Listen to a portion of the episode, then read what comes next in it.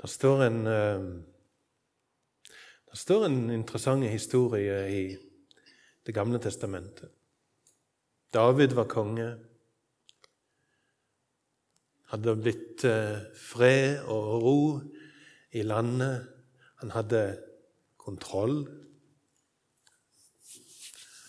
Og så sender han bud på profeten Natan og sier til Natan Du, Natan, se.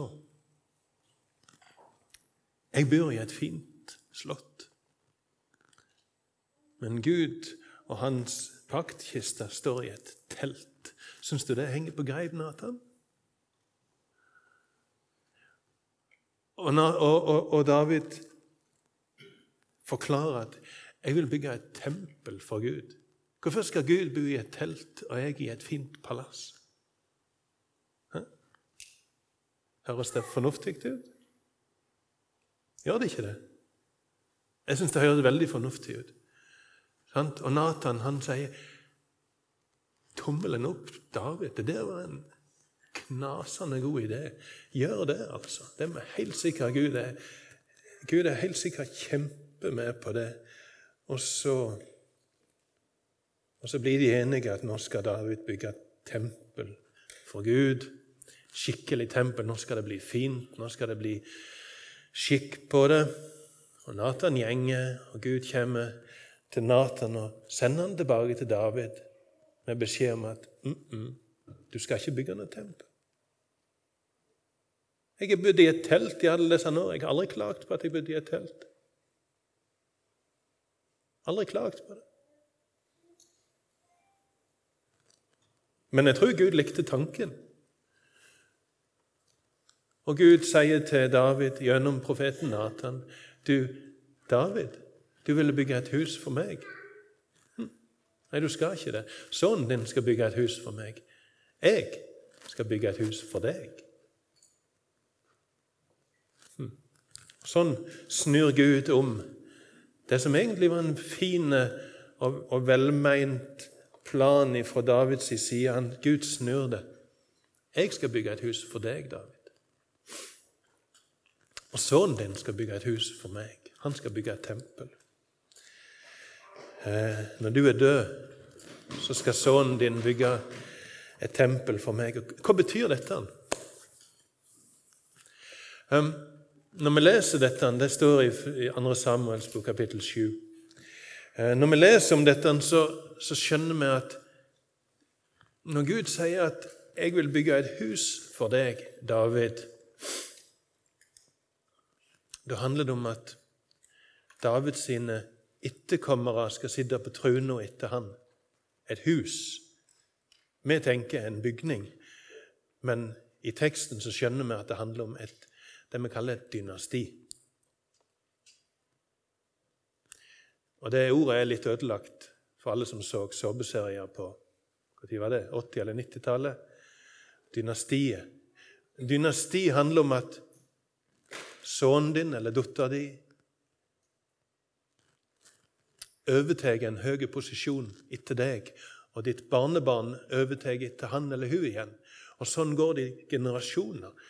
Generasjon på generasjon på generasjon av folk i en høy posisjon. Det er et dynasti.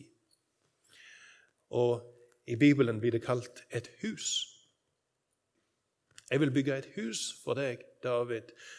Eh, det Gud egentlig sier da, det er at du skal være stamfar for et dynasti av konger som skal regjere over mitt folk til evig tid. Evig tid. Det er ganske heftige greier, det. Det er ingen andre dynasti som, som går til evig tid. I eh, historien om Egypt så snakker vi om de ulike dynastiene.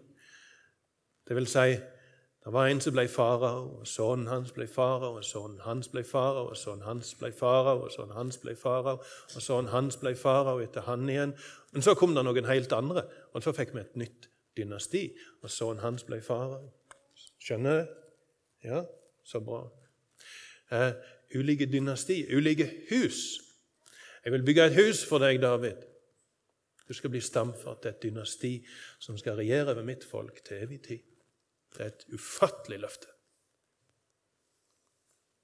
Å få være stamfar til et dynasti som skal regjere i fire generasjoner, er et stort løfte. Men Gud sier de skal regjere til evig tid. Det skal aldri mangle noen som skal sitte på trona. Og Da skjønner vi at dette, dette sprenger rammene fullstendig for det som er vanlig her i verden. Og så sier Gud, sønnen din skal bygge et tempel for meg. Og teksten for i dag er henta fra første kongebok, kapittel 8. Jeg tror vi skal ha det opp på, vegg, på, på skjermen. Juksa lite grann.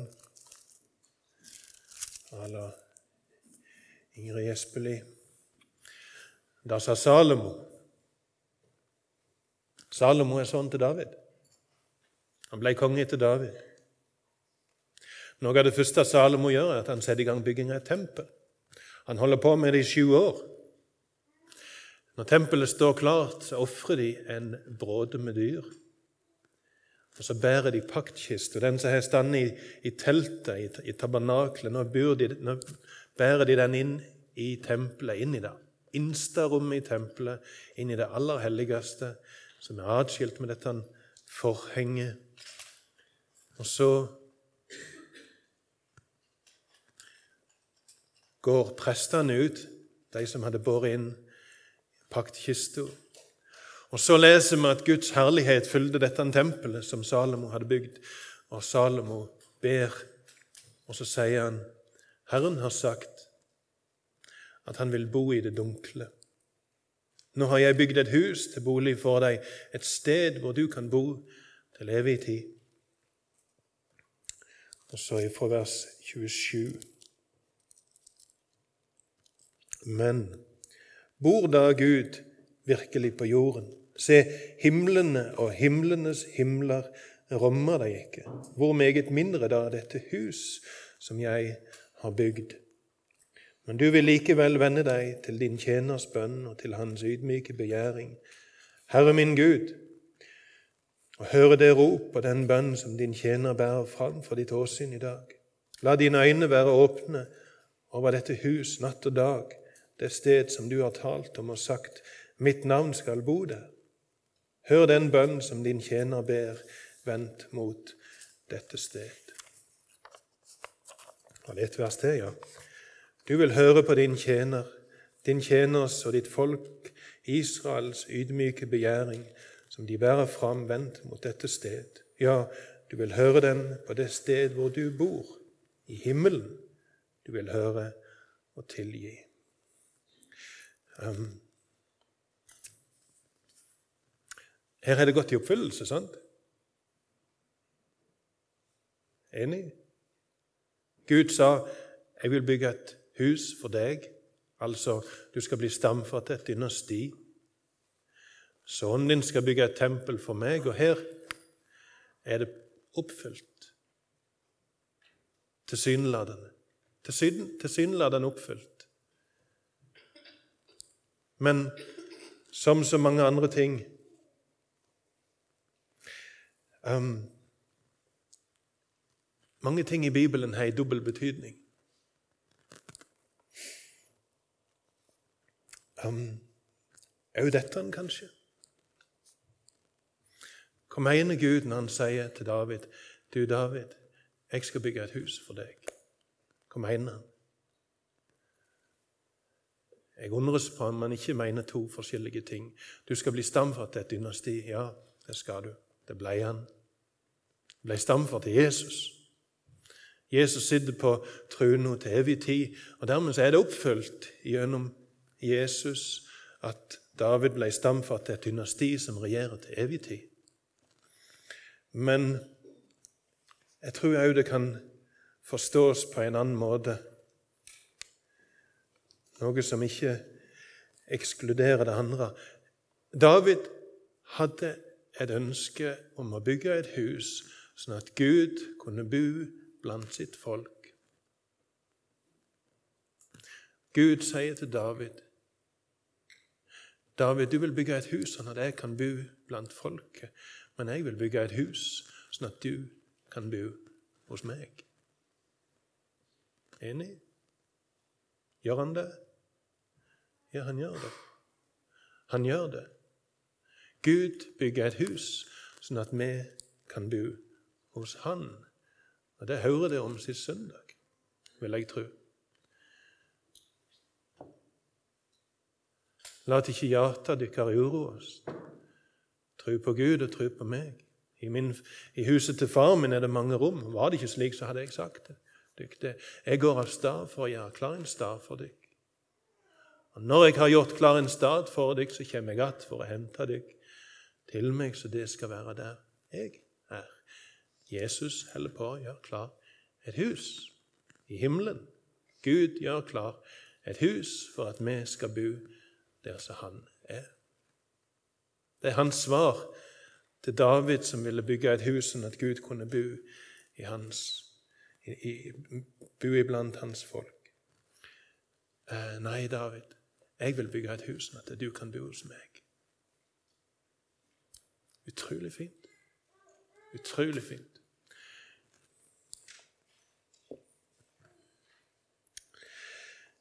Og jeg vet ikke om det ble sagt her sist søndag, når det las den teksten. Søndagens tekst for ei uke siden. Det er brudgommen som taler.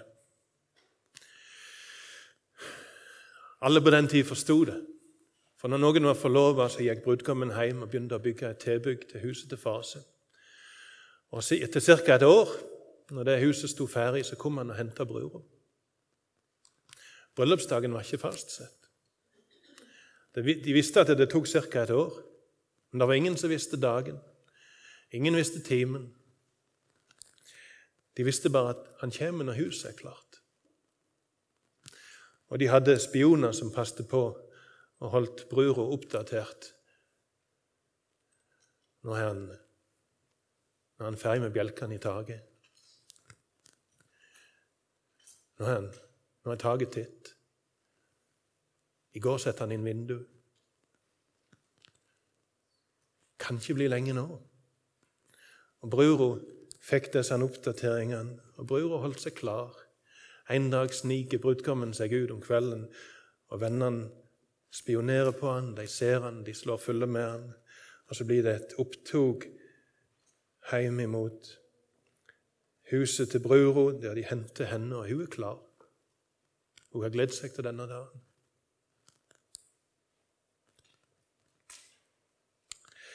Vi er bror,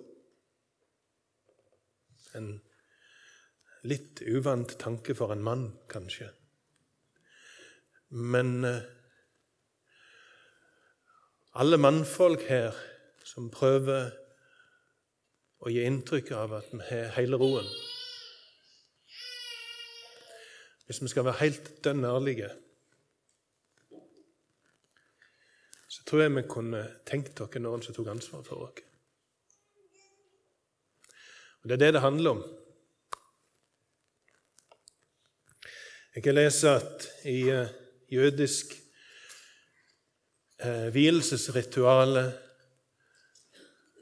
så tar brudgommen og løfter sløret som brura har framfor ansiktet, og legger det over aksla si, et langt slør legger det over aksla og så sier folket som står rundt, og herreveldet er på hans skulder.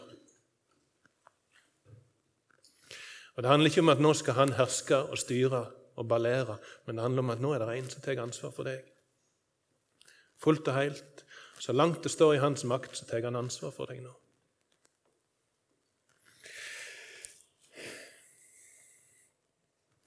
Og det kan en mann òg lengte etter.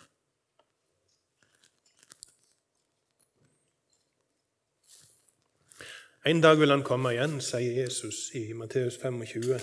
En dag vil han komme igjen når det er folk som ikke er klar. Hvorfor er de ikke klar? De har ikke olje på lampen, sier Jesus. Ja, hva betyr det? Flere enn meg som har lurt på det. Hva er oljen for noe? Hva er det vi må ha for å være klar når han kommer? Og Jeg tror vi er på ville veier når vi leter etter hva denne oljen skal symbolisere. Jeg tror det handler om at den brura som ikke er klar på bryllupsdagen, er ei bror som ikke har gledd seg. Det har ikke vært en dag som hun er merket av i kalenderen. Det er ikke en dag som på en måte har stått før henne som noe det største som skal skje i uoverskuelig framtid. er bryllupsdagen.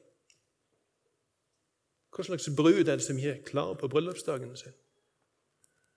Jo, det er hun som ikke har gledd seg. Hun som egentlig gir blaffen. Hun som tenker at den dagen stiller seg fullstendig likegyldig til den dagen. Det er hun som ikke har brøll, som har olje på lampen. Oljen symboliserer ikke noen ting. Det er bare et, en indikasjon på at det er noen som ikke bryr seg. Bryr vi oss? En dag skal han komme.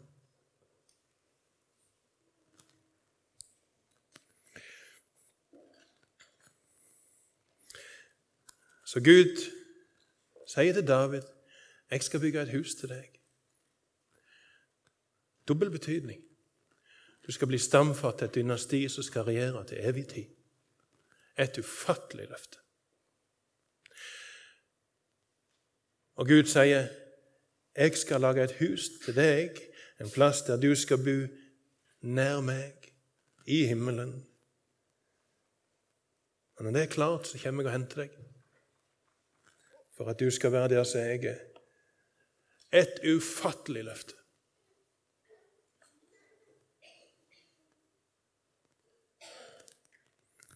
At Gud ville nedlade seg til å bo i det aller helligste, i tempelet i Jerusalem, det er stort. Men at han vil at vi skal bo i hans himmel, det er ufattelig.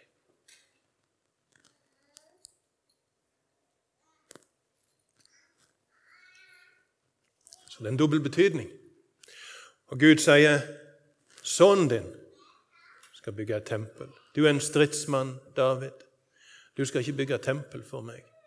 Sønnen din, en fredens mann, han skal bygge et tempel. Ja, hvem er det? Salomo? Mm. En dobbel betydning. Salomo betyr fredsommelig. Han er en fredens mann. Men han er egentlig her bare et bilde på fredsfyrsten. På Jesus sjøl. Det er Jesus som bygger tempelet. Det er han som bygger tempelet, egentlig. Det som Salomo holder på med her, og som han tenker er oppfyllelsen på profetien, det er bare en bleik skugge av det som Davids sønn skal gjøre. Davids sønn, Jesus, skal bygge et tempel. Og Og vi leser Johannes 1, vers 14, et mektig vers. Ordet ble kjød, tok bostad mellom oss.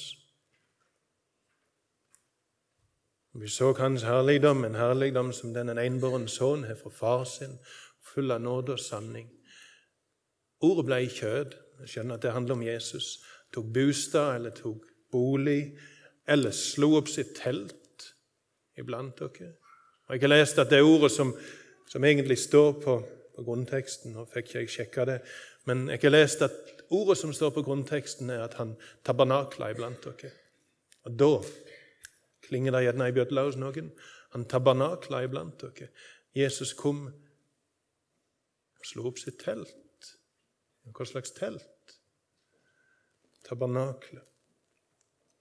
Tabernaklet, teltet i ødemarka, var en møteplass mellom himmel og jord. Og Jesus er i seg sjøl en møteplass mellom himmel og jord. En plass vi kan gå, en vi kan gå til for å møte Gud.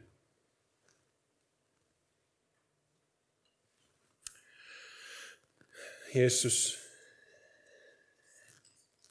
bygge et tempel. Men eh, det er ikke nok med det.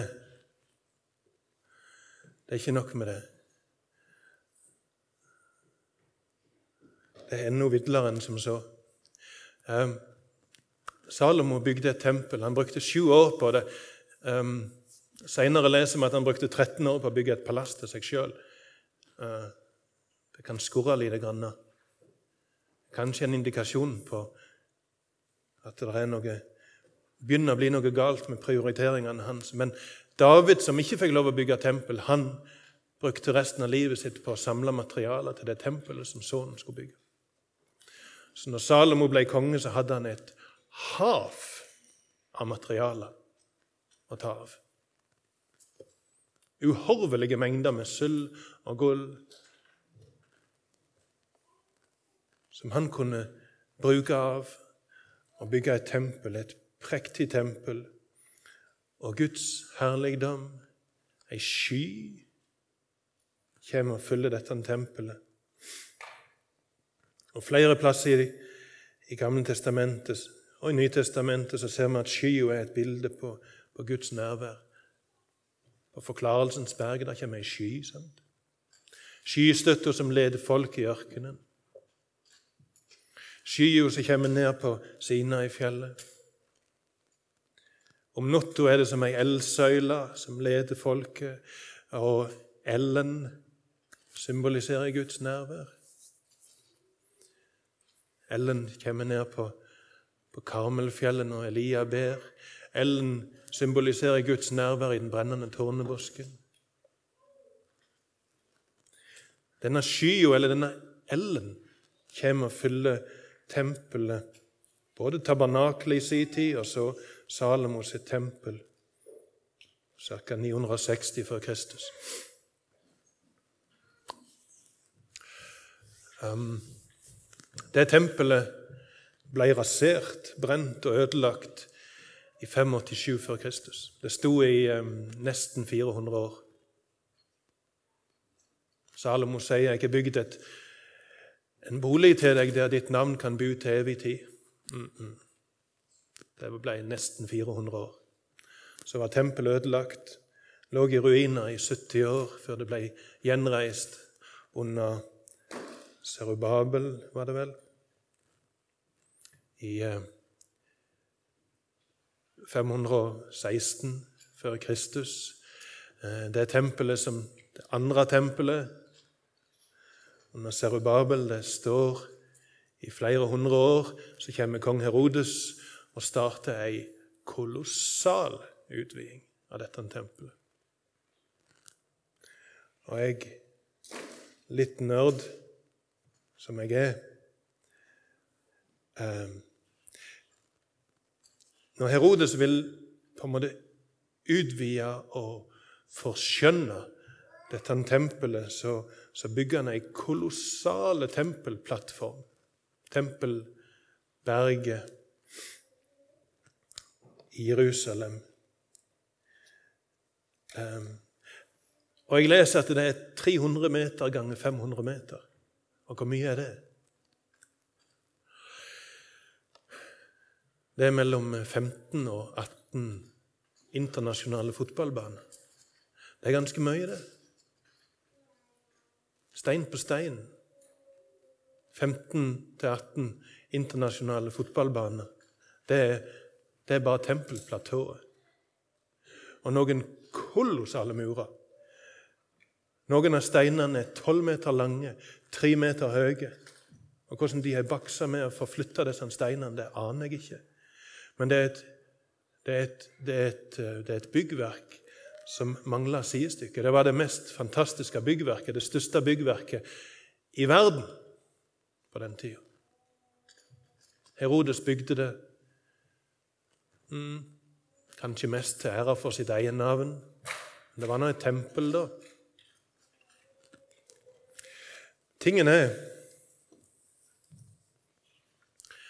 at ifølge jødiske overleveringer Når ypperstepresten en gang i året gikk inn i det aller helligste for å ofre på den store forsoningsdagen, så så han at det brant et lys inn i det aller helligste. En blålig flamme, sier de det var.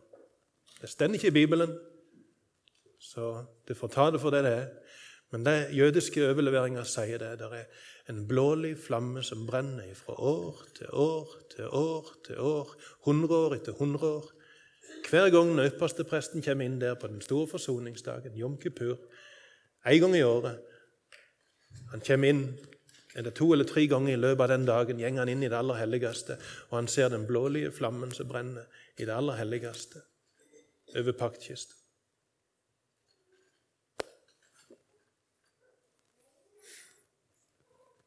Og De jødiske overleveringene sier i Herodes sitt tempel så var det ingen blålig flamme. Det var tomt. Helt tomt. Men du får et flott byggverk. Et kolossalt byggverk. Men det var tomt. Hvorfor var det tomt? Hvorfor ville ikke Gud bo der med denne flammen som jødene snakker om? Og Det er antagelig en helt naturlig forklaring på det. Paktkista var ikke der. Paktkista forsvant når folket ble bortført til Babylon. Ingen veit hvor er henne.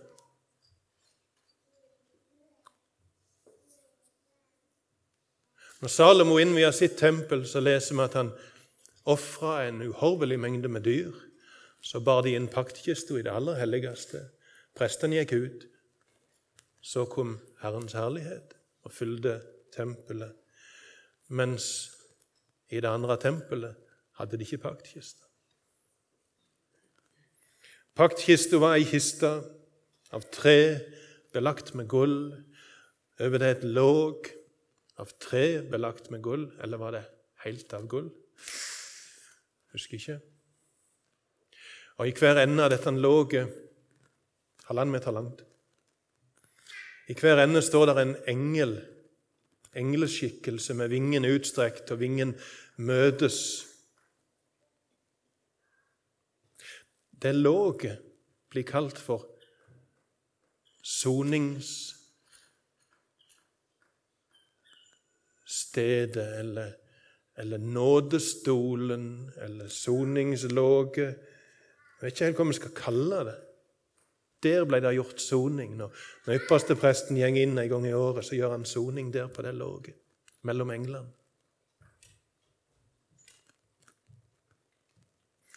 Og, og det som er spesielt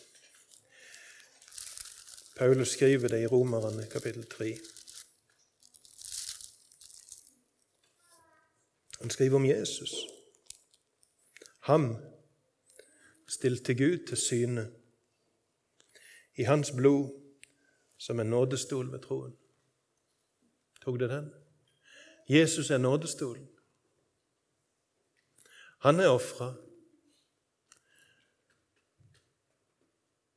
Han gjorde alt ferdig med påske. Hang på, hang på korset, sto opp igjen. Alt er betalt. Han er nådestol. så kommer han flytter inn i hjertet til de som tror. Og så kommer Guds herlighet på pinsedag.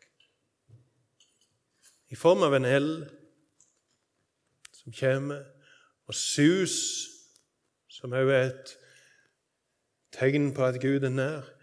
En vind, samme ordet for vind og ånd på hebraisk. Guds ånd kommer, synlig i form av en eld, deler seg og setter seg på hver enkelt.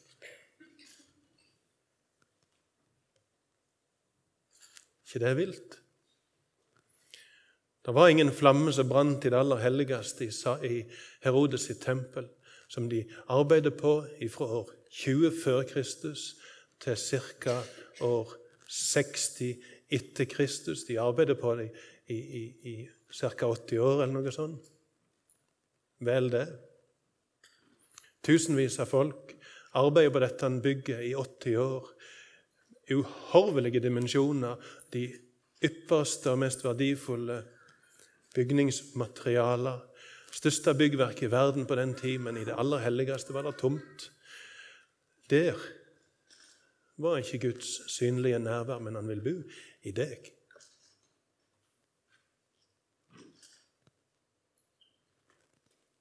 Han vil bo i deg. Hva syns du om det? Hva syns du om det?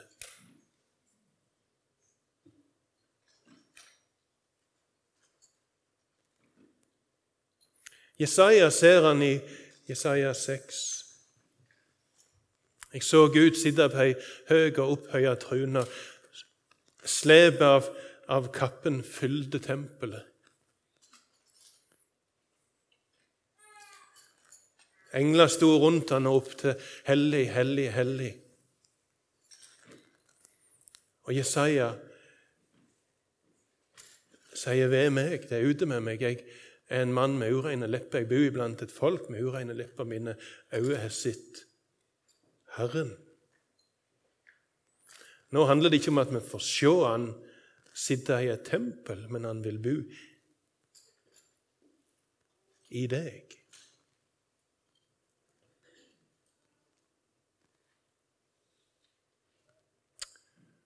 Nei, David, du skal ikke bygge et tempel for meg. Jeg skal bygge et hus for deg. Og din sønn David skal bygge et tempel. Oppfylt på en foreløpig og litt pinglete måte av kong Salomo, som arbeider i sju år. Det er bare en skugge av det som skal komme. For Jesus sjøl skal komme ned og være et tempel, og han skal gjøre deg om til et tempel.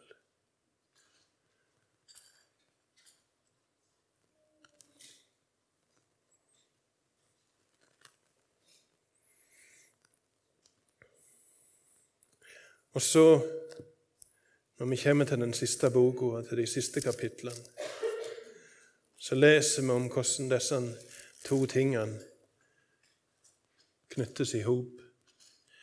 For uh, vi får høre om himmelen, det nye Jerusalem. Med form som en terning. Veldig spesielt. Like høyt som det er bredt og langt, det nye Jerusalem. Eh, det er den samme fasongen som på det aller helligste i tempelet. Formet som en terning. 20 alen ganger 20 alen ganger 20 alen.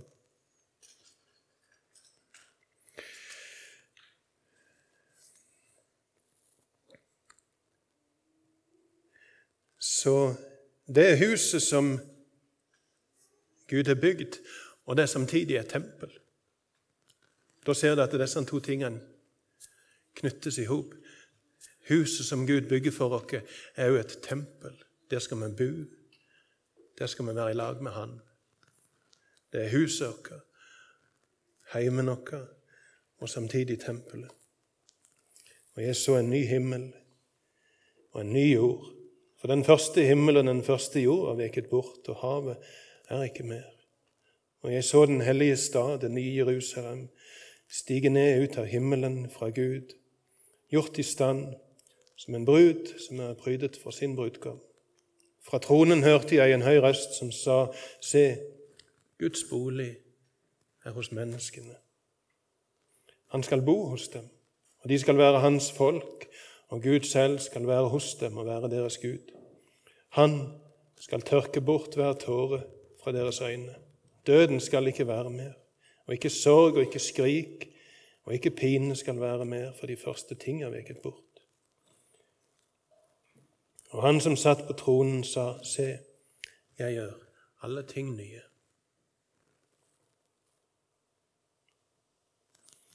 Alle ting nye.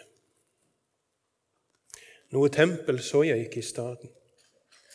For dens tempel er Gud, Herren den allmektige og lammet. Staden trenger ikke lys fra solen eller månen, for Guds herlighet opplyser staden, og lammet er dens lys.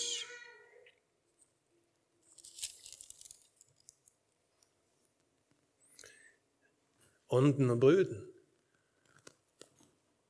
sier 'kom'.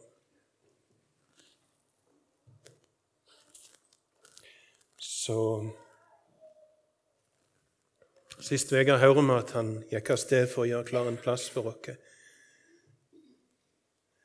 Vi sitter igjen og venter. Ånden og bruden sier, 'Kom, kom'. Den som hører det, la ham si 'kom'. Og den som tørster, han får komme. Og den som vil, han får ta livets vann uforskyldt. Jeg vitner for enhver som hører de profetiske ord i denne bok. Dersom noen legger til noe til dette, da skal Gud legge på Ja, det var ikke det jeg hadde tenkt å lese. Det er sant, det òg, da, forresten. Han som vitner dette, sier, Ja, jeg kommer snart. Amen.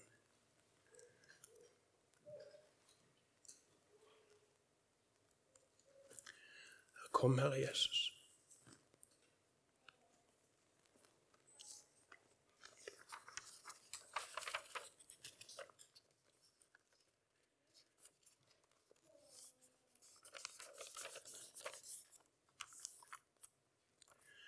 Noen andre som lengter etter å se det huset?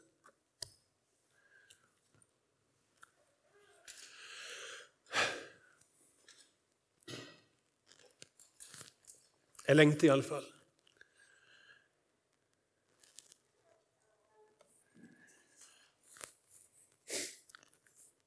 Sov litt dårlig i natt. Det er sikkert derfor jeg griner. Men jeg lengter så til himmelen.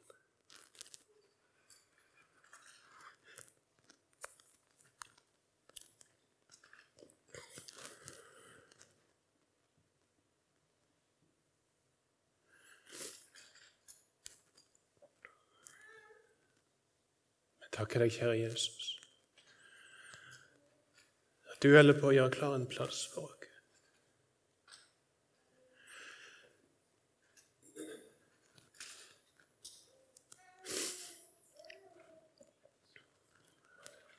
Takker deg, kjære Jesus, at du lengter vel så mye som oss etter den dagen da du skal komme og hente oss hjem.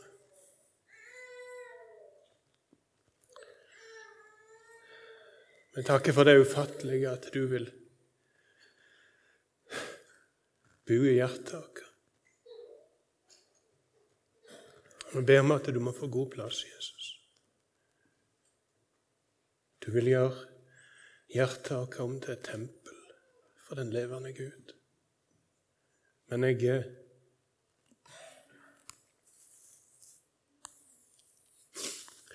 Jeg er redd det er mange hjerter rundt forbi som ligner mye på en gjennomsnittlig norsk garasje som er bygd for en bil, men som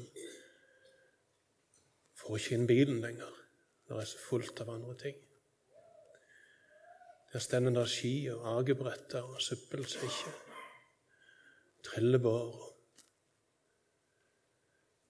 alt mulig ting som òg må stå en plass. Men så ble det til at det var ikke plass til bilen lenger.